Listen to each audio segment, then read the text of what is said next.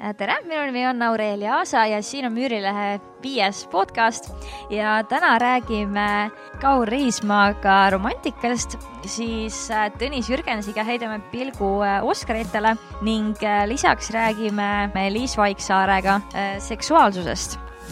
et sellised teemad siis täna ja kõigile head kuulamist.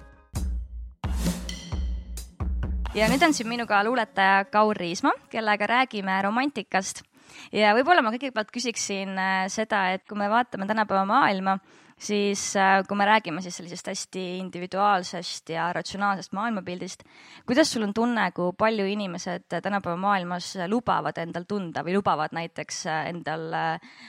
langedagi just sellisesse romantilisusesse? väga palju lasevad tunda, ses mõttes mu Facebooki feed on täis seda, kuidas inimesed tunnevad. et et äh, ärkab hommikul üles, vaatab, et lind on akna taga, laulab, oh kui ilus see on, järgmisel hetkel on äh, foto Instas, et äh, et vaadake, kui palju ma tunnen ja kui, kui, kui ilus mu elu on, et väga palju tuntakse, isegi noh, närvidele käivalt palju. aga kas sa arvad, et kas sellega kaasnevad mingid vastuolud ka, kui need tunded kolivadki just nimelt siis sotsiaalmeediasse, sellepärast et kui sa seda mainisid, ma just ise enne siia tulles mõtlesin selle peale, et äh, näiteks Facebookis inimesed tihti on väga tundlikud ja väga kirglikud oma sõnavõttudes, aga päriselus tihti äh, on see vastupidine. No Facebook selles mõttes on paradoksaalne nähtus, et ta on korraga äh, noh, mingisugune meedium, mis avab inimest aga teisest küljest on ta ka mask, selles mõttes nagu Wild ütleb, et anna inimesele maski ja ta ütleb sulle tõtt. et, ähm, et Facebookis on väga lihtne noh, tõtt ütelda, aga kui sa sama inimest noh, näed, siis võib-olla sa talle nii ropust ei ütleks. aga kas sul on mõneti tunne, et see ikkagi ka kaugendab äh, inimesi teineteisest? Äh, kaugendab võib-olla selles mõttes, et äh, inimeste ootused Ähm, teisele inimesele äh, kas siis ähm, äh, devalveeruvad või, või need ootused on vastupidi liiga kõrged. et, et äh,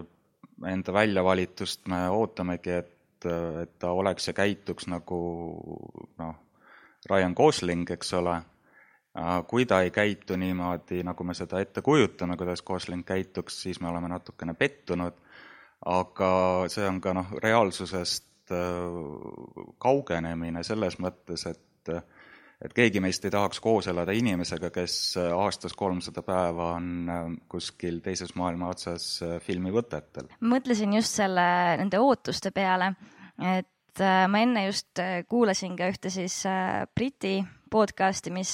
rääkis online dating ust ja Tinderist siis ja seal toodi, tõid siis just nimelt äh, psühholoogid, aga ka siis äh, mõned sellised teadlased, kes on uurinud just nimelt siis armumist ja armastust, et nemad tõid äh, välja siis selle just selliseid pahupooli võib-olla või selliseid negatiivseid külgi et, äh, et ka näiteks siis äh, Tinder, kus sa saad siis, äh, ma pole küll ise Tinderi kasutaja, nii et võib-olla ma loodan, et ma ei eksi siin, aga arvatavasti sa saad siis panna seal paika kõik need ootused, mis sul sellele partnerile on. Ja toimubki selline nagu listisüsteem et, et mul on tunne, et reaalses elus inimesega kohtudes ikkagi inimesed ei, ei loo selliseid liste automaatselt või nad kohe ei ei paiguta seda inimesse mingisugusesse sellisele hea ja halva levelile, vaid see on kuidagi spontaansem ja autentsem ja inimestele võib-olla lubatakse rohkem olla nemad ise ma ka ei ole Tinderi kasutaja, huvitav, kõik, kes hakkavad Tinderist rääkima, peavad vajalikuks mainida, aga mina ei ole Tinderi kasutaja. aga Facebookis ma olen küll ja, ja, ja ma olen mõelnud, et Facebook on natukene niisugune noh,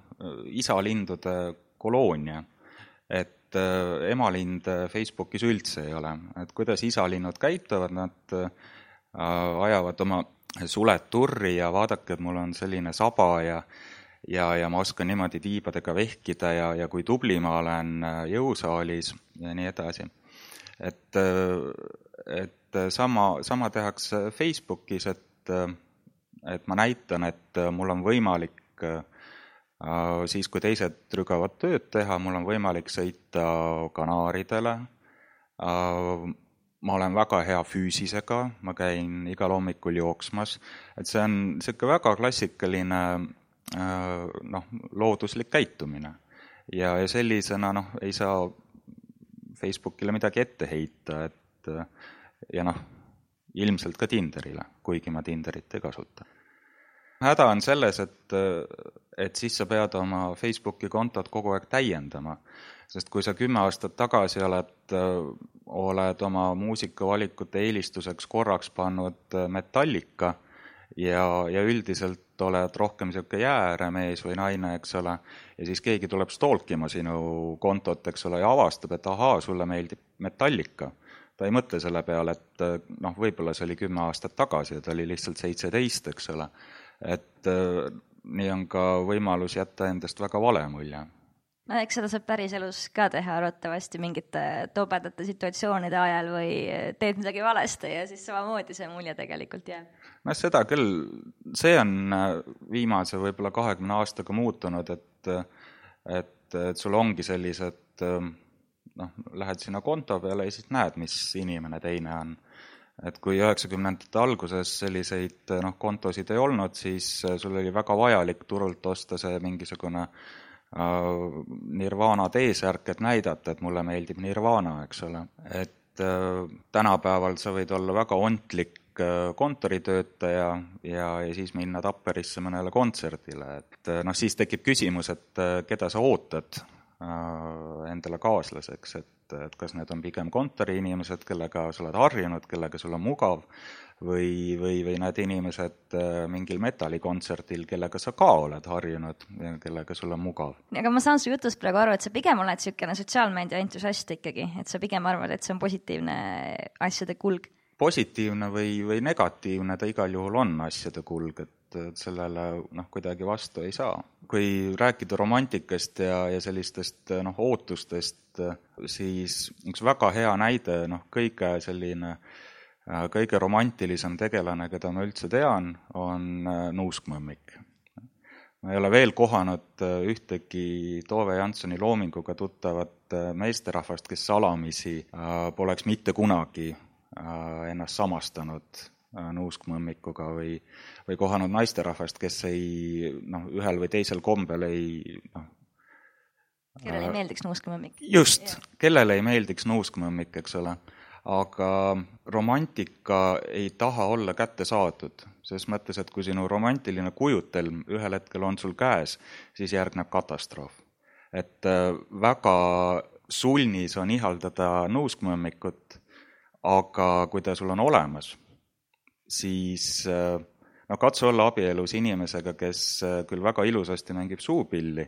aga nii kui septembris külmaks läheb, siis tõmbab ta leebet, eks ole see on, see on sama, kui olla, olla abielus alkohoolikust muusikuga. et jah, ta istub su sängiveerel, vaatab uduse pilguga kaugusesse, räägib, kui ilusad juuksed sul on, aga enamuse aastast on ta kuhugi kadunud.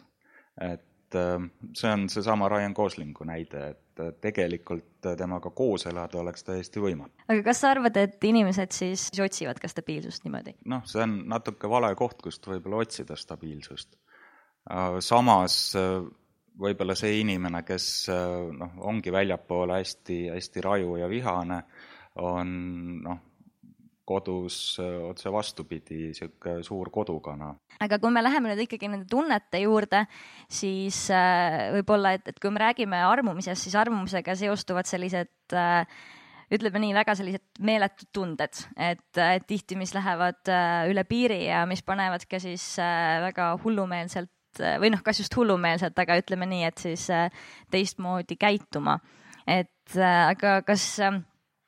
et ma arvan, et vähemalt kui me vaatame kirjandust, siis seal on selline romantiku arhetüüp tihti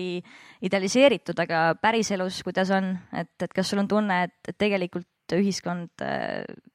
ühiskond vist ei ole ju tänapäeval väga nagu sellise romantikute jaoks sobilik paik? Mm, vastupidi, ses mõttes, et Äh, vaatasin Eurovisio- või selle Eesti Laulu neid, äh, neid laule ja tähendab, kuulasin ja kas vist kõik rääkisid armastusest, vot itaalia keelt ma ei oska, aga, aga minu meelest noh, kõik räägivad armastusest. et äh, võib-olla, võib-olla just räägitakse liiga palju armastusest ja, ja püütakse noh, püütakse kuidagi äh, lahti mõtestada, et mis ta siis on, et äh, armastust on väga palju, uksest ja aknast tuleb. Ei, kahtlemata, et võiks isegi mõnes mõttes öelda, et see sõna on juba kuidagi äh, muutunud hästi argiseks, et et justkui, kui muidu armastusega käib kaasas selline teatav oreool, siis me tänapäeval kasutame noh, armastust igal pool, et eriti inglise keeles on see väga hästi näha, et et see I love something on ju, et see on hästi tavaline. et aga mul on tunne, et et, et armastus on ikkagi selline, tänapäeval, kui me räägime siis ikkagi sellisest romantilisest äh, tunnetest, et siis sellist äh, metsikut armastust või tõesti sellist oma tunnetele järgi andmist äh, täielikult, et mul on tunne, et sellist asja kuidagi, ei saa öelda, et seda on vähem, aga mul on tunne, et ikkagi selline üldine stabiilsuse kultus ja selline maailm muudab seda, kuidas me oma tunnetega käitume. et, et samamoodi, kui me läheme tagasi selle äh, Tinderi äh, juurde, siis äh, sellised portaalid eemaldavad ju ära kogu siis sellise spontaansuse, et, et sa teed oma tärni, leiad oma match'i, lähed välja, et, et võib-olla läheb hästi, siis sealt lähevad, läheb sündmustega kõik edasi. et, et justkui nagu sellist hullumist ei ole. vot ma ei tea, kahtlemata reede õhtul seda hullumist on sama palju, kui seda oli ka noh, kümme aastat tagasi, et, et, et ma hästi ei kujuta ette, et milline on hullumine Tinderis. et kuidas see välja näeb, et, et selline noh, tasane hullumine on, on muidugi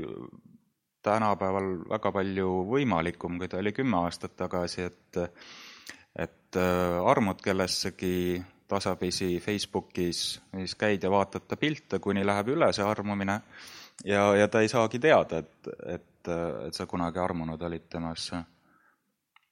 et niisugune äh, sordiini all armumine on, on, on väga võimalik. aga kas, kuidas sa arvad, kas romantikutel on tänapäeva maailmas pigem hea või halb elada? see on, see on sama asi, et, et siis, kui romant-, romantiline kujutelm realiseerub, äh, järgneb äh, argine katastroof. et noh, see on seesama nuuskmõmmiku näide kindlasti väga romantiline on äh, Mustamäe korter maha müüa, osta merekonteiner, kolida keset metsa, elada seal. Tõsi, see on hästi romantiline, aga ta on romantiline täpselt nii kaua, kui su abikaasa esimest korda kastrulitäie hernesuppi ära sööb. Ja noh, elad seal metsa keskel, aga noh, tegelikult on külm ja märg ja elektrit peab ikka maksma ja nii edasi, et noh, romantika, romantilisuse eeltingimus on see, et ta ei, ta ei tohi olla äh, kättesaadav. et, et ükskõik, kas, kas see, mida sa äh, ihaldad, on mingisugune teine ajastu, noh, nagu üheksateistkümnendal sajandil ehitati mõisapargid täis äh, äh, kootistiilis äh, kabelivaremeid, eks ole. Äh,, tänapäeval võib-olla see kauge aeg on mingisugune, mingisugune nõukogude aeg, ka seda ihaldatakse kuidagi, sõidetakse reliukasega ringi ja ja, ja niimoodi, aga noh, tegelikult mitte keegi ei tahaks elada kaheksakümne teise aasta ENSV tingimustes. nii kui see tuleb, siis, siis minnakse äh, Toompeale protestima. et äh, just romantika ei tohi olla kättesaadav sa pead pidevalt ihaldama. sest äh, sa võid ju, noh, see Ryan Gosling on väga hea näide leidsin äh, mingi nädala eest Facebookist foto, kus oli niisugune noh, mustvalge Ryan Gosling, eks ole, alla oli kirjutatud uh, all your dreams come true või midagi niisugust, eks ole. aga siis ma mõtlesin, et kui uh, selle Goslingi asemel oleks foto peal sada kakskümmend kilo natukene pekist, natukene kiilanevat Eesti mehe ihu ja selle all on äh, kiri, täpselt sama kiri All your dreams come true, siis äh, noh äh,, ei ole väga seksapiilne, eks ole, üldse mitte selle noh, mehe ihu mõttes, vaid selles mõttes, et noh, mis need mu unistused siis on, eks ole, või seal tekiks nagu väga irooniline situatsioon. Aga kas sa arvad, et inimesed äh, ikkagi lasevad endale tänapäeval äh, selliseid äh, tundeid ligi, et jah, armastust on väga palju, armastust glorifitseeritakse väga palju ja ka romantikat äh, glorifitseeritakse, kui me võtle, võtame sellised äh, Hollywoodi romantilised komöödiad, et seal see unistus äh, printsist valgel hobusel on ikka veel väga elus. et, et kõik, et kõik see pool ja inimesed ma usun, et iga inimene siin maailmas eh, tahab ja igatseb lähedust ja seda, et teised teda mõistaksid ja et võib-olla, et tal oleks kellegiga seda maailma jagada. et see ei pea olema võib-olla tingimata teine inimene, see võib olla ka koer näiteks on ju, aga et sul oleks eh, keegi. aga kas sul on tunne, et kui see hetk lõpuks kätte jõuab, et kui inimene satub sinu ellu või sinu siis sellisele teele ette, et kas me siis ikkagi oleme varmad äh, seda inimest ligi laskma või pigem mitte. et äh, kui ma mõtlen, et me oleme nii harjunud iseendaga ja iseenda eluga ja ise teeme kõike, ise otsustame ja siis me peame jaga, jagama hakkama ja arvestama, et see on ju väga suur muutus. kui me selle inimese sellest äh, sotsiaalmeedia filtrist äh, nagu läbi laseme ja ta lõpuks on meie elus ja tilbendab siin ja kuhugi ära ka ei lähe miskil põhjusel, noh, siis äh, küll me temaga ära harjume. aga noh, see prints valgel hobusel, eks ole, tegelikult ei ole vahet, kas ta äh, milline tema raudrüü on, kas ta tuleb hobuse või koeraga, eks ole, äh, see, mis lõpuks määrab, on see, äh, kuidas ta paneb oma jope esikus, kuidas ta sätib oma kingad esikus, kuidas ta peseb hambaid Äh, mis küljel ta magab, need on need pisikesed asjad, mis lõpuks määravad selle ära, et et kas ta, kas ta jääb sinu ellu või mitte. ükskõik, kas ta on siis sada kakskümmend kilo või noh, jumala eest ongi Ryan Gosling. jah, võib-olla seda küll, et, et need pisiasjad ja arvatavasti tänapäeva inimene ikkagi on vähem varmas tegema kompromisse. sõltub inimesest ja, ja sõltub kompromissidest no kui me läheme näiteks tagasi äh, varasemate selliste peremudelite juurde, siis need ikkagi läbi ajaloo on olnud ju pigem no seda mõistagi, et väga traditsioonilised, aga, aga samas ka ütleme, abielud, kui juba on abiellutud, on kestnud väga kaua, sellepärast et üks pool, reeglina siis paraku naine, on äh, arvatavasti väga palju alla surunud endast, et noh, võib-olla ka mees, et, et see olen, oleneb kindlasti paarist. et, et aga tänapäeval ikkagi inimesed ütlevad rohkem välja seda, mida ma tahan ja mida ma hindan ja nii edasi. et, et selles mõttes äh, ma usun, et, äh, et ikkagi äh, on vähem sellist kuidagi tahtmist võib-olla ennast painutada. noh, enamus maailmas tegelikult, enamus sellest Äh, seitsmest poolest miljardist äh, elab tegelikult niimoodi, nagu on aastatuhandeid elatud. et, et lääne ühiskonnas on äh, tekkinud need käärid, et, et kes siis käib tööl, kes ei käi tööl, kui palju ja nii edasi ja ja, ja kui räägitakse sellest, et, et kas millal saada lapsi ja, ja, ja kuidas teha karjääri, et, et kas siis kõigepealt teha karjääri ja siis saada lapsed, siis ähm, see on, on täiesti õigustatud, õigustatud küsimus, ses mõttes, et äh, naiste jaoks karjääri tegemine on, ähm, on väga uus asi. ütleme, sellises lääne ühiskonnas on mehed teinud karjääri viis tuhat aastat, meil on suhteliselt savi, et kas käime tööl, ei käi, eks ole, aga naised on saanud karjääri teha võib-olla noh, paar inimpõlve aga kas sa arvad, et inimesed peaksid laskma endal rohkem tunda? võib-olla inimesed peaksid äh, natuke rohkem mõtlema, et mida tunda ja, ja kas kogu aeg peab tundma. no aga nende mõtetega tõmbamegi siit siis kokku ja aitäh sulle täna tulemast! aitäh! ja siin on nüüd minuga Tõnis Jürgens, kellega räägime Oscaritest. kõigepealt, äh, kuidas sa tänavuste Oscaritega rahule jäid? Ma ei oska öelda, kuidas ma rahule jäin, mulle meeldis äh, vist, mulle meeldis see, et võõrkeelse Oscari, filmi Oscari sai see fantastiline naine, mis oli üllatav, väga üllatav, sest ma ei arvanud, et ta saab seda. ma arvasin, et pigem saab Ruut, mis vist äh, sulle meeldis. ma alustan vist sellest rääkimist, kuna lihtsalt äh, need võõrkeelse filmi Oscarid on rohkem nagu minusse puutunud või, või ma olen neid nagu rohkem jälginud neid filme. jah, selles sul oli õigus, et mina polnud sellega rahul, et Ruutu ma kindlasti pidasin äh, tugevamaks filmiks, nagu ka neid teisi kandidaate tegelikult sellele ja see valik kindlasti oli, tähendab, üllatuslik et ma arvan, et väga paljude kriitikute ja üldse publiku jaoks, et äh, jah, võib-olla, et äh, ma seda ütleks, et iseenesest mulle ju see film meeldis, et ma mäletan, kui ma seda nägin esimest korda, siis äh, mul tõesti kippus isegi veidikene pisar silma. aga ma kindlasti ei arva selles mõttes, et see antud juhul oleks olnud äh, jah, tugevaim äh, kandidaat, et äh, et ja mul on tunne, et see oli ikkagi väga selline poliitiline valik, miks see siis võitis. võib-olla, aga võib-olla see võiks ka olla vastuseks niimoodi üldisemalt, et mis ma nagu tänavustest Oscaritest arvasin, et siin oligi päris palju sellist, ma ei oska öelda, kas nagu tingimata poliitilisi valikuid, ma arvan, et selleni me jõuame veel nagu natukene hiljem tagasi, aga aga mulle tundub, et oli päris palju sellist nii-öelda teise, teise nagu vastuvõtmist, suure T-ga teise siis the other'i nagu kuidagi embamist või mingisugust teistsugust äh, lähenemist äh, võeti nagu päris palju vastu, et seda mingis mõttes iseloomustab ka see furoor, mis oli filmi Get Out ümber minu meelest, kuigi see lõpuks sai ainult äh, stsenaariumi Oscari. Ähm, ja ka siis parima filmi võitnud Oscar tegelikult ju Äh, läks noh, kõige üldisemas mõttes äh, filmile, mis, mis, mis kõige üldisemas mõttes nagu embas teist või, või the other'it, et äh, seda mingisugust muud asja või andis nagu ähm, hääle äh, siis noh, mingisugustele väiksematele gruppidele ähm,. Ähm, jah, võib-olla see olekski nagu minu vaatevinkel tänavustele Oscaritele. Et äh, jah, kindlasti, et, äh,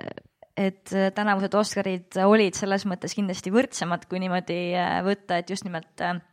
sellest on ka päris palju räägitud, et arvatavasti tegelikult see võib olla ka üks põhjusi, miks ju Lady Bird üldse sai nii palju nominatsioone. et kui võtta, et tegu ikkagi oli siis debüütfilmiga et äh, Greta Gerwig on küll äh, varem olnud siis äh, nii stsenaristi kui ka siis näitleja kui ka kaasrežissööri rollis, aga tegelikult ta ju ei ole selliseid täispikki filmi üksi teinud, et, et see on ikkagi väga suur üllatus oli tema kindlasti ja samamoodi ka Must hobune mõnes mõttes, et mm. et pigem see oligi selline õlalepatsutus justkui, et et arvatavasti oli küllaltki ette teada, et ta sealt Oscarit eriti ei võta, aga et, õigemini ühtegi ei võtnud, aga et, et ta siis kuidagi tunnustati siis nii-öelda teda? jah, võib-olla küll. nii palju, kui ma olen lugenud, äh, siis Gerwig ise on öelnud, et kõik tema eelnev ähm, noh, töö siis filmivaldkonnas nii näitlejana kui ka stsenaristina ja, ja režii nagu, mis on siis kaasrežissöörina või ähm,, on olnud mingis mõttes ka nagu ettevalmistus selleks äh, ja, ja ta vist ütles, et noh, et nüüd oli nagu aeg küps teha see film ära. Ja see oli ka mingis mõttes nagu mitte siis autobiograafiline, aga vähemalt ähm, seotud siis tema enda kodulinnaga, nii palju kui ma mäletan, et Sacramento oli see, kus ta isegi üles kasvas, kuigi siis äh, ta ei olnud nooruspõlves üldsegi selline inimene nagu, nagu Lady Bird, siis selle filmi nimitegelane. aga see on äh, jah, väga tore, et, äh, et see film kandideeris nii, nii mitmes valdkonnas ka aga, aga eks see mingis mõttes oli vist nagu aimata jah, et ta ei, võib-olla, võib-olla ta oleks pidanud nagu stsenaariumi saama, võib-olla, aga, aga, aga ma arvan, et see läks ka tegelikult mõnes mõttes nagu minu, minu vaatevinklist nagu õigele filmile. aga mis on üllatav, et kes sai väga vähe nominatsioone, et siis ainult parima meesosatäitja, meeskõrvalosatäitja Oscari oli ju tegelikult äh, Florida projekt just, just., et äh, kuidas sa sellesse suhtud, et tema oli nii vähe nomineeritud? ma ei tea, ma olen selle peale nüüd mõelnud tagantjärele, et äh, et mille eest see film oleks võinud veel noh, üldse, oleks võinud saada nominatsioone, et ma ei oska öelda, kas ta nagu noh, kas ta oleks võinud parima filmi nominatsiooni saada või mitte. stsenaariumi osas on nagu raske rääkida, sest et äh, me ei tea, kui palju sellest filmist on nagu tõesti kirjutatud ja kui palju nagu koha peal ähm, ma ei teagi, siis koostöös näitlejatega kuidagi pool improviseeritud või nii mina arvan küll, et oleks võinud olla seal äh, parima filmi äh, omas ka. ma mm. mõtlen just seda, et kui äh, tehti selline kummardus või õlalepatsutus, et siis kindlasti Sean Baker oleks seda väga väärinud, sellepärast et tema on ka filmimaailmas ennast juba režissöörina, siis just nimelt äh, ikkagi ta on näidanud, et ta on väga selline originaalne režissöör, kelle poole võib vaadata ja kellelt võib midagi ägedat oodata, nii et kindlasti ta oleks võinud seal samamoodi õlale patsutuse mõttes äh, olla. et aga noh, eks, eks ehk siis järgmistel aastatel läheb paremini, ma vähemalt loodan, et tema on küll üks režissöör, kellele ma tõesti väga kaasa elan, et ta on minu meelest nii äh, haarav ja see, kuidas ta loob oma maailmad, et ühelt poolt siis ta suudab äh, tõesti äh, tuua sisse sellist äh, tõelist sellist sotsiaalset äh, konteksti, et olgu need siis sellised vaesed perekonnad ja raharaskused ja kogu see halva hea ema diskursus on ju, mida ta lahendas siis sel korral või siis nagu eelmisel korral, et transsoolised prostituudid, et ta tõesti lahkab neid teemasid väga hästi ja samas siis tõesti selliselt ääretult äh, soojalt, vahepeal isegi natukene irooniliselt, et mulle väga meeldib tema selline stiil, tema lähenemine, tema julgus ja ja värskus, et see kõlas nüüd nagu mingi ood mm, -hmm. aga et jah, mulle tõesti väga meeldib ta. aga samas, kui me lähemegi nüüd selle mees äh, kõrvalosatäitja Oscari juurde, millele siis äh, kandideeris Florida projektis just nimelt siis Willem Dafoe, et et, et selles mõttes samas ma arvan, et, et oli väga õige, et see auhind läks just nimelt siis äh, Sam Rockwellile, kes mängis siis äh, kolm, äh, filmis kolm reklaamtahvlit linnaserval. jaa um,, Sam Rockwellil on väga huvitav karjäär olnud, nii palju kui ma näinud olen seda, et uh, The Moon või ei, lihtsalt Moon, Moon oli väga huvitav film ja ühel hetkel ma nägin teda ka niisuguses väikeses kõrvarollis, kus ta peksis äh, Jean-Michel Basquiat läbi ühes äh, tänavasopis filmis Bas-, Basquiat või jah, Basquiat. et ähm, kindlasti tema rollisooritus Three Billboardsis oli kihvt. ma ei oska nagu midagi selle kohta rohkem öelda mina just mõtlesin selle peale, kui ma seda filmi vaatasin, et minu jaoks ikkagi siis eh, noh, tema sooritus loomulikult oli, oli väga hea igatpidi võttes, aga ka tema karakter siis äh, oli kirjutatud tõesti selliseks väga mitmetahulisuseks mm., mitmetahuliseks, et tema oli minu meelest siis just nimelt see karakter, kes tegelikult tegi selle filmi. et, et ilma temata ma arvan, et see film oleks, tal poleks kindlasti olnud sellist sügavust. ja see on naljakas selles mõttes, et Sam Rockwelli tegelane justkui oligi ainukene, kellel oli see niisugune traditsiooniline karakteri areng tegelikult, et kõik teised äh, tegelased selles filmis jäid väga jäigalt omaenda põhimõtete juurde, eeskätt siis Frances McDormandi tegelaskuju, kes lõpuni välja raju, raius nagu noh, oma, oma õiglust siis või, või oma tõde või noh, kuidas iganes seda nimetada ja, ja tegelikult kõik teised ka, et niisugune pidev äh, jõudude põkkumine toimus seal filmis, mis tegi selle väga huvitavaks, aga et Sam Rockwelli tegelane oli ainus, kes nagu alustas niisugusest äh, noh, sisuliselt nagu rassistlikust psühhopaadist ja, ja päädis, ma ei teagi siis kellena, kuidagi valgustatud psühhopaadina või midagi niisugust, et äh, selles mõttes oli Three Billboards ähm, ehk siis kolm reklaamtahvlit äh, tore film, et ta kuidagi läks alati sammukese kaugemale või, või läks kuidagi ootamatutesse kohtadesse ja see stsenaarium oli minu meelest väga kihvtilt kirjutatud ja see oli võib-olla niisugune põhiline asi, mis mulle selle filmi juures nagu meeldis ka, et kuivõrd nagu, kuivõrd ootamatuid pöördeid see mõnikord võttis um,. ja, ja noh, eks, eks kindlasti natukene ka niisugune kergelt sapine teravmeelne huumor, mis selle asjaga kaasas käis Äh, väga palju ju arvatagi seda, et see uh, Three Billboards uh, võtab ka parima filmi Oscari. et mm. see oli ju, kas see oli üllatav? tähendab, et ta ei võtnud mm, oli küll üllatav, võttes arvesse, kui palju sellist haipi selle filmi ümber oli. aga mm, noh, selles mõttes on ju päris keeruline ka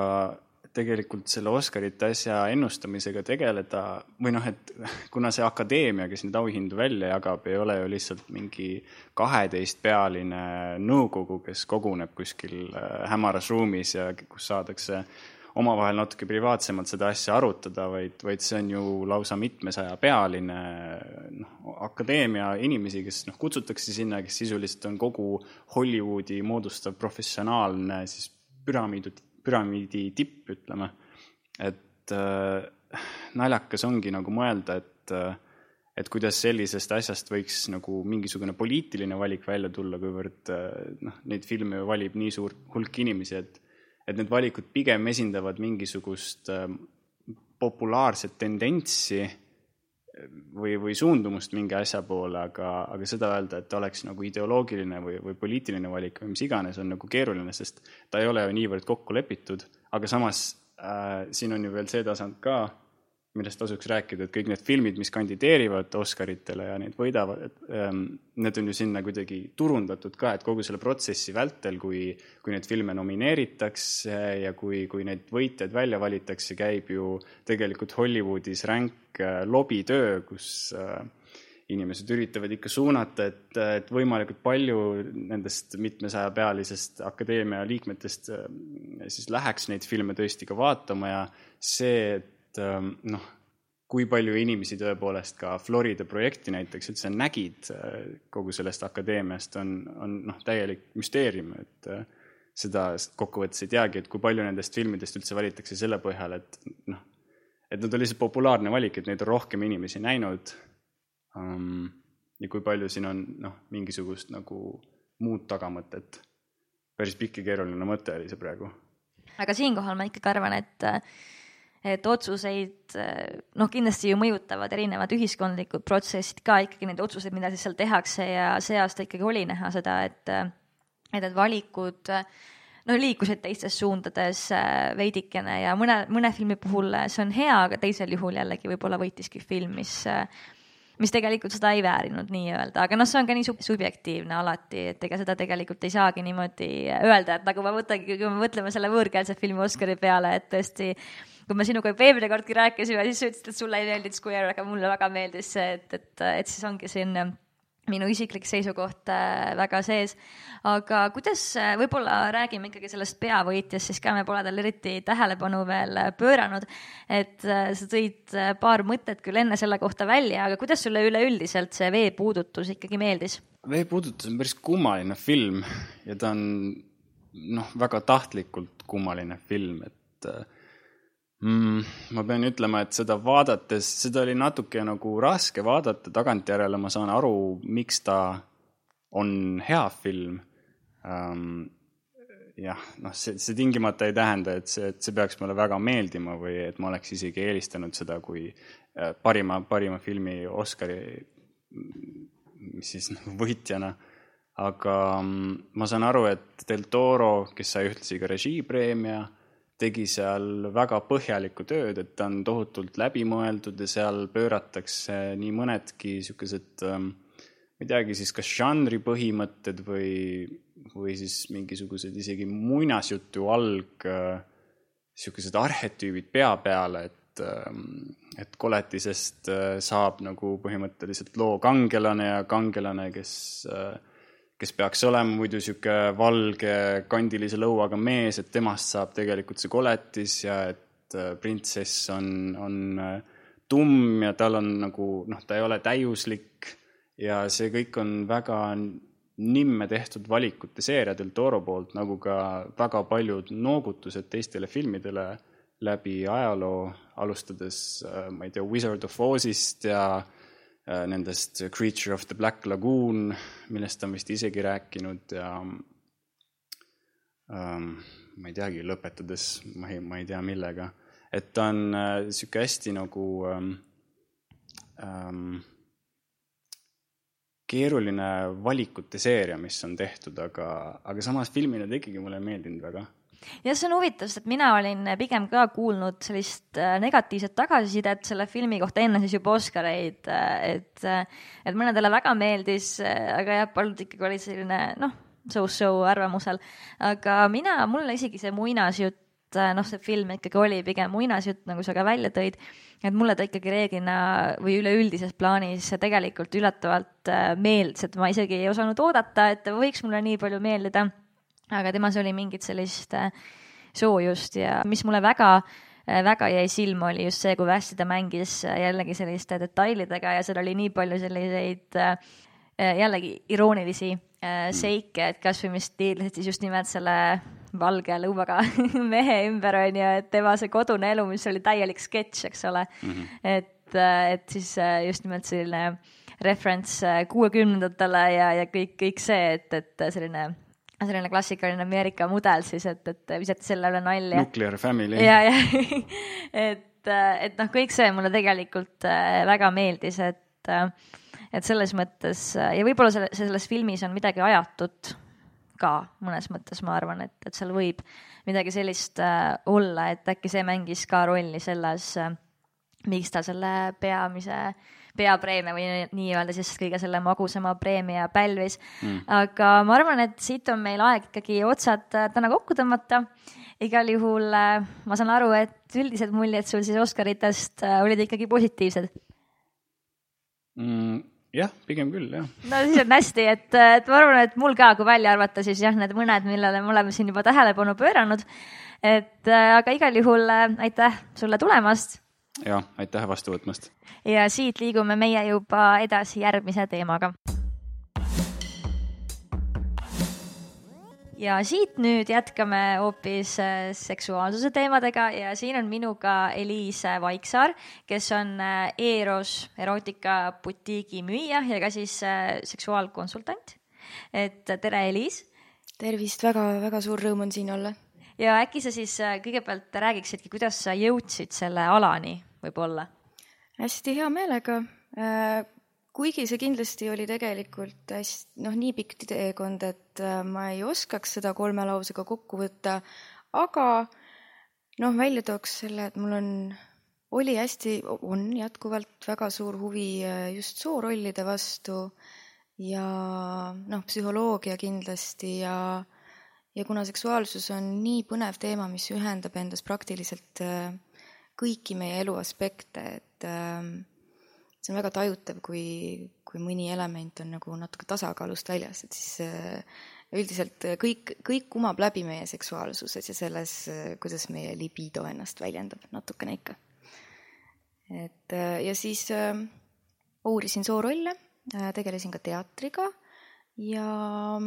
ja läbi ühe põneva etenduse, kus me rääkisimegi siis äh, tugevalt niimoodi naismees soorollidest, äh, siis äh, jõudsin, jõudsin sellisele mõttele, et,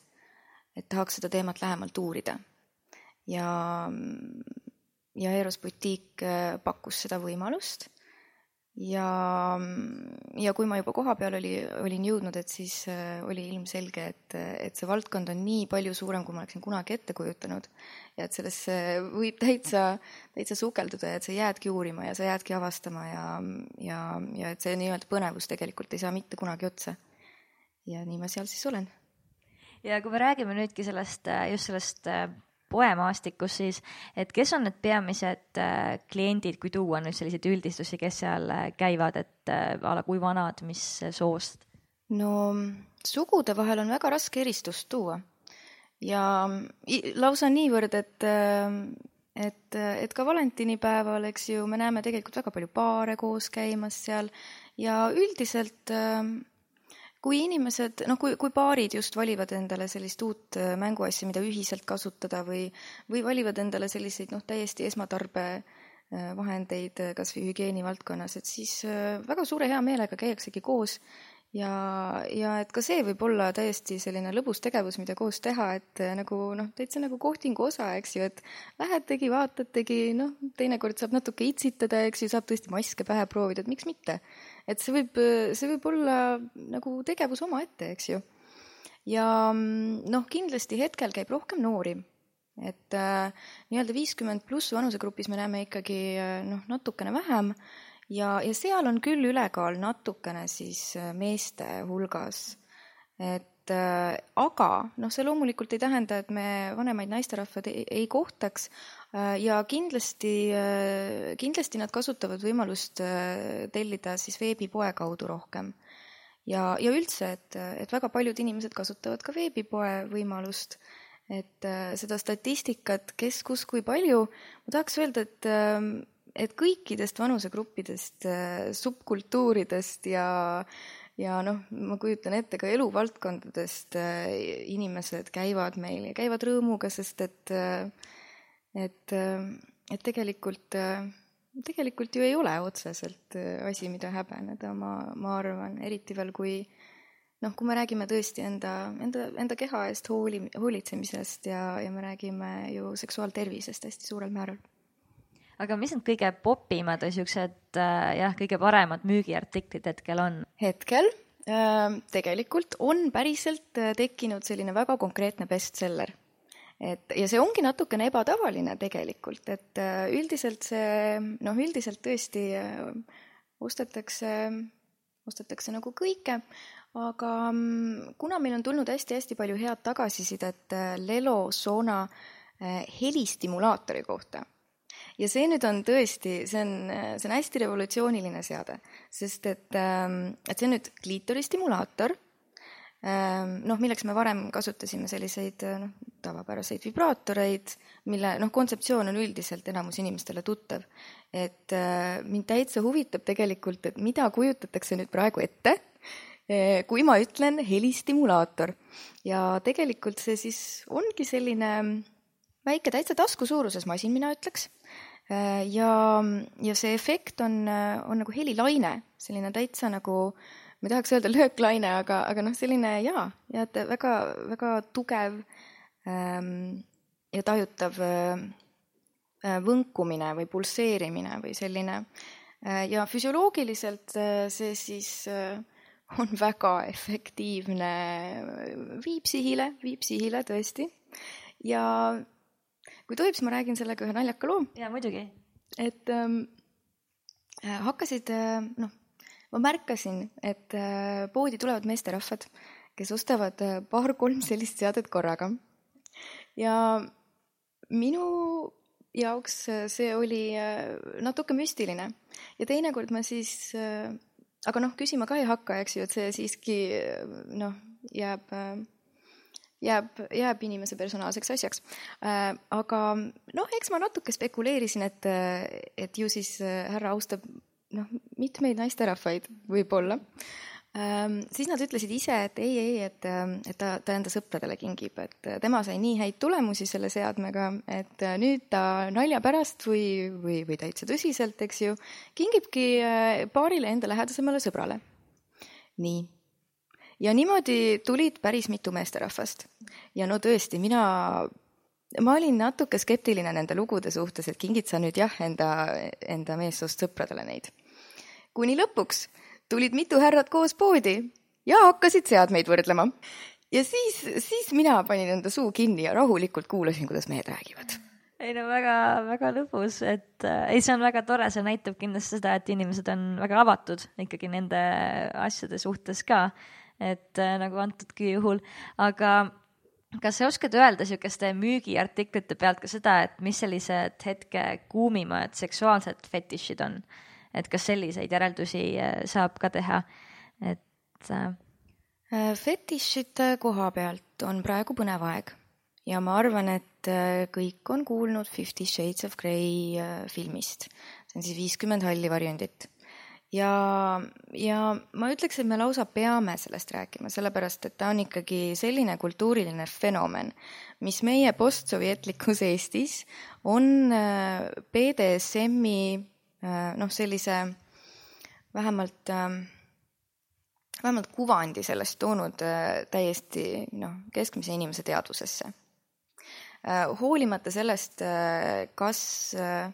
kas see siis nagu kütkestab inimest või pigem pelutab, siis seal ta on. ja siin me räägime sellest ja ma arvan, et võib-olla võib-olla noh, et üks põhjustest teist kindlasti, et kogu selline noh, ühiskondlik areng äh, on kindlasti võimaldanud äh, noh, sellistel filmidel niimoodi mainstream turule tulla ja vastupidi, eks ju. et nüüd me räägime juba sellest, et, ähm, et inimestel, inimestel on isegi selline väike terminoloogia juba olemas äh, selle filmi najal ja nad nagu noh, teavad, mida, mida nad otsivad ja, ja nii edasi, kuigi see film jälle tegelikult portreteerib äh, BDSM kultuuri siis pigem, äh, pigem vastupidiselt, et äh,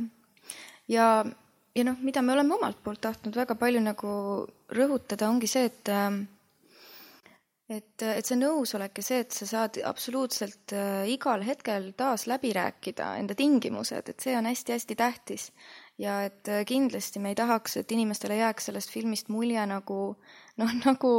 nagu olukord, kus sult võetakse allkiri mingi müstilise dokumendi peale, noh, ja mida sa hiljem nagu vaidlustada ei saa, et nagu sellised hetked oleksid vähegi loogilised või okeid. et ei ole ja,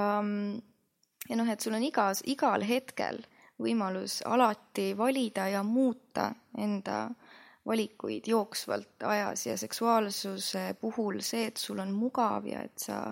tunned ennast hästi, et sa ei tunne ennast ohustatult, et sa tunned, et sul on alati õigus äh, välja öelda enda arvamused ja noh, tõesti alati ähm, noh, juhtida seda protsessi, et siis ähm, siis see on, see on väga tähtis, ma arvan. Ja BDSM kultuur on siis tõesti tänu viiekümnele hallile varjundile saanud meie jaoks palju lähedasemaks. aga ma väga loodan, et kes tunneb selle vastu siis tõesti äh, pigem külgetõmmet, et äh, võtab siis äh, vaevaks ka süveneda just sellesse, et kuidas seda teha niimoodi, et et tõesti sina oled õnnelik ja partner on õnnelik ja ja et te saate mõlemad sellest ühe põneva kogemuse ja, ja mitte midagi liigset, eks ju aga kui me muudame siit natukene siis sellist kurssi, et äh, räägime veidikene just siis äh, sihukestest seksuaalsusega seotud, äh, ma ei tea, kas tabudest siis näiteks võiks niimoodi öelda. et kuidas sul on tunne, kuidas äh,, no tähendab, ütleme, selline vana, vanemate või eakamate inimeste seksuaalsus on läbi aastakümnete, isegi ma julgeks öelda, olnud selline varjatud teema, mida niivõrd äh, väga ei tooda päevavalgele, samamoodi on siis äh, puuetega inimeste seksuaalsusega. et äh, kuidas sul on tunne, kas need valdkonnad kuidagi muutuvad äh,, muutuvad selles mõttes paremuse poole, need liikumised või, või kuidas sul on tunne, kas see tuleb rohkem, kas sellest räägitakse piisavalt? ma arvan, et äh et jaa, see muutub paremuse poole, ma arvan, me saame kõik hästi palju ära teha äh, endiselt, et see niimoodi läheks, sest et paraku see tõesti ei ole miski, mis juhtuks iseenesest, eriti veel meie ühiskonnas, mis on ju nii pikka aega olnud äh, olnud väga kinnine, eks ole, ja, ja inimestel puudubki usaldus, eks ju, jagada sellist infot ähm, ja mitte ainult äh,, mitte ainult üksteisega, vaid äh, ma arvan, et teinekord ka noh, ongi, et ka meditsiiniprofessionaalidega, et äh, ja väga paljud inimesed jätavadki ennast äh, noh, muredega üksi ja, ja noh, et, et kellel teinekord ongi sellised tervislikud küsimused või ähm, noh, kui me räägime vanematest inimestest, siis, siis meil on näiteks väga palju tooteid, mis, mis saaks niimoodi ähm, toetada seda seksuaalsuse avaldumist. teine asi on see, et kui me räägime noh, menopausist ja, ja teatud sellistest täiesti loomulikest protsessidest elus, ehm, noh, praegu ma räägin natukene rohkem võib-olla siis naiste seisukohast, eks ju, ehm, noh, naisterahva elus eh, sellised hetked nagu noh, mis kindlasti noh, kõik, kõik ei, ei saa lapsi, aga need, kes saavad, üldiselt ka pärast lapse saamist enda seksuaalsuse taasavastamine on protsess ja, ja seda ei tasu alahinnata. Ähm, noh, kuivõrd palju noh, tegelikult see võib inimest mõjutada ja, ja kasvõi libido kõikumised, eks ju, mis tegelikult on hästi tavaline ja, ja oleneb veel meie, olenebki tegelikult meie hormonaalsest tasemest ja, ja väga-väga-väga paljudest äh, nüanssidest, mis siis niimoodi koos mängivad aga kuna ta mõjutab meie elu nii suurel määral ja järjekordselt äh, jõuab vähem ühel või teisel moel välja noh, kõigesse, mida me teeme, eks ju, et ähm, ka sellesse elujanusse, millega me võib-olla üldse noh, igapäevaselt enda toimetusi teeme, et siis ähm,, siis see kindlasti on selline kõneväärne oleks äh, väga tore, kui, kui inimesed tõesti tunnevad, et neil on koht, kus äh, teinekord kas või vestelda sel teemal ja et, äh, et hoolimata vanusest, hoolimata sellest, milline keha sul on ja mis sellega parasjagu toimub, et sa teaksid, et, et ka see on normaalne. ja, ja et kõik me oleme inimesed ja tegelikkuses noh, sellist ärevust ja häbi on eriti seksuaalsete teemade puhul nii palju, sellepärast et, et me oleme väga-väga erinevad. ja, ja mõnikord on võib-olla lihtsalt otseses mõttes lihtne, noh, sul on, sul on lihtne mõista midagi, noh, mis, millega sa automaatselt suhestud. Ja, ja seal, sealjuures teise inimese seksuaalsus äh, võib olla miski, noh, sinu jaoks nagu ei ole hoobilt mõistetav, eks ole, et äh, ja see ei tähenda, et see oleks ebanormaalne, vaid see tähendab, et äh, tema oma on teistsugune ja, ja noh, et, ähm, mida rohkem teadlikkust meil selles valdkonnas on, mida rohkem me mõistame üksteise erinevusi ja seda, et teise inimese äh, valikud ei ohusta minu omi üldiselt, noh et kui ta, kui ta ei tule mulle liiga tegema enda valikutega, siis äh, tegelikult noh, nagu, nagu ei olegi ju otseselt probleemi, et pigem tähistame seda, kuivõrd palju ähm, kuivõrd palju erinevaid variante maailmas olemas on ja kui, kuivõrd palju võrratuid inimesi on, kes kes soovivad siis harrastada ühte või teist praktikat. aga noh, tõesti on siis palju selliseid gruppe ähm,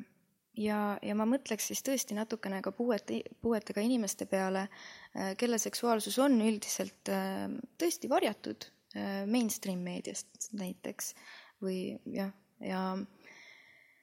ja ma ei ütle, et kõik peaks olema kogu aeg suure kella küljes, ma ütlen, et ähm, et, ähm, et ongi väga tähtis, et äh, kõik inimesed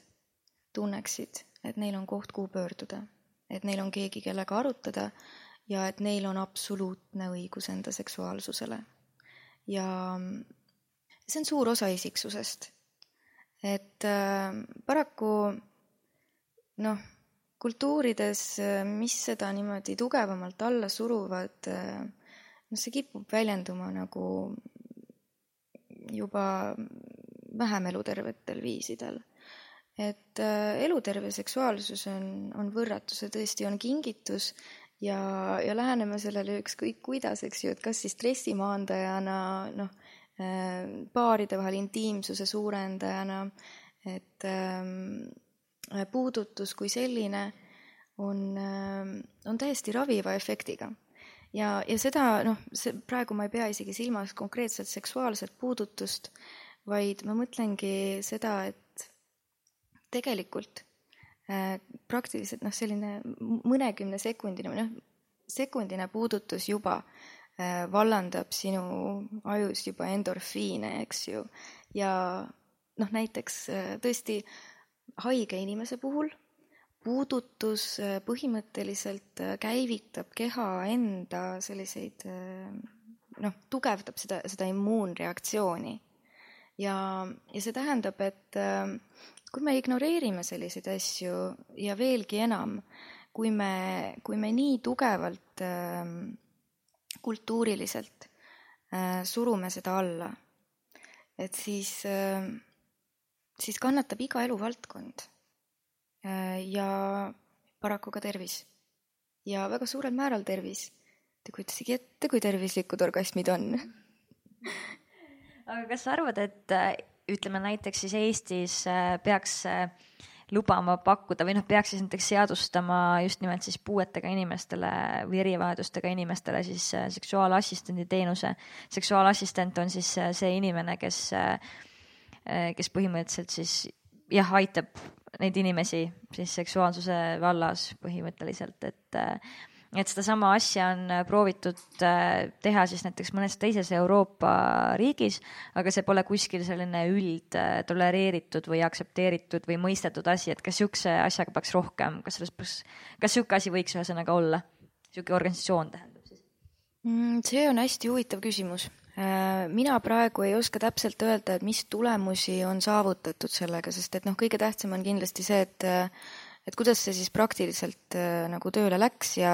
ja, ja kas inimesed, eks ju, need, kes seda teenust siis kasutavad, ise jäid rahule, et ma pean tõesti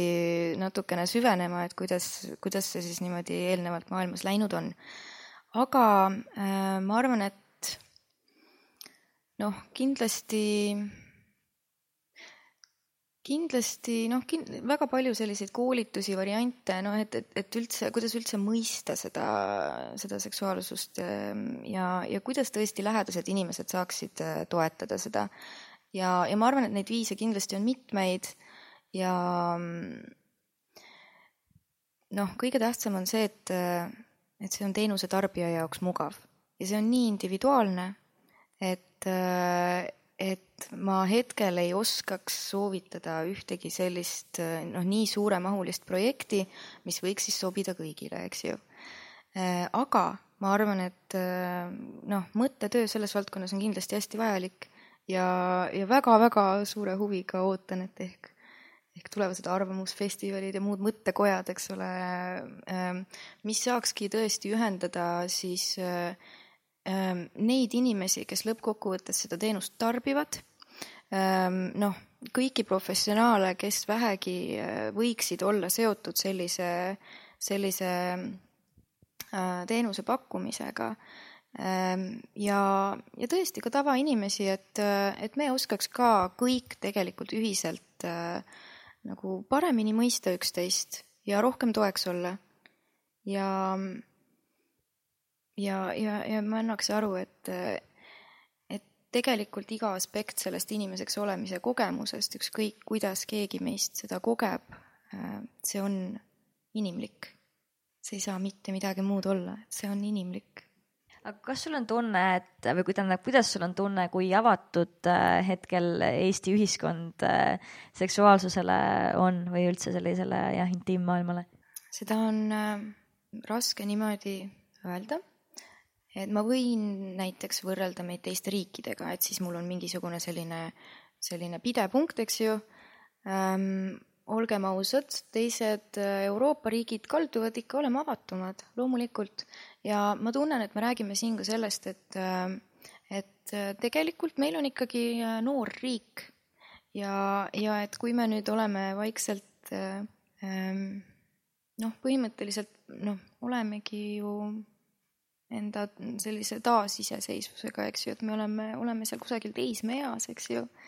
ja, ja natukene sealmaal me olemegi, et äh, kui nüüd ikkagi meediast äh, need teemad läbi käivad,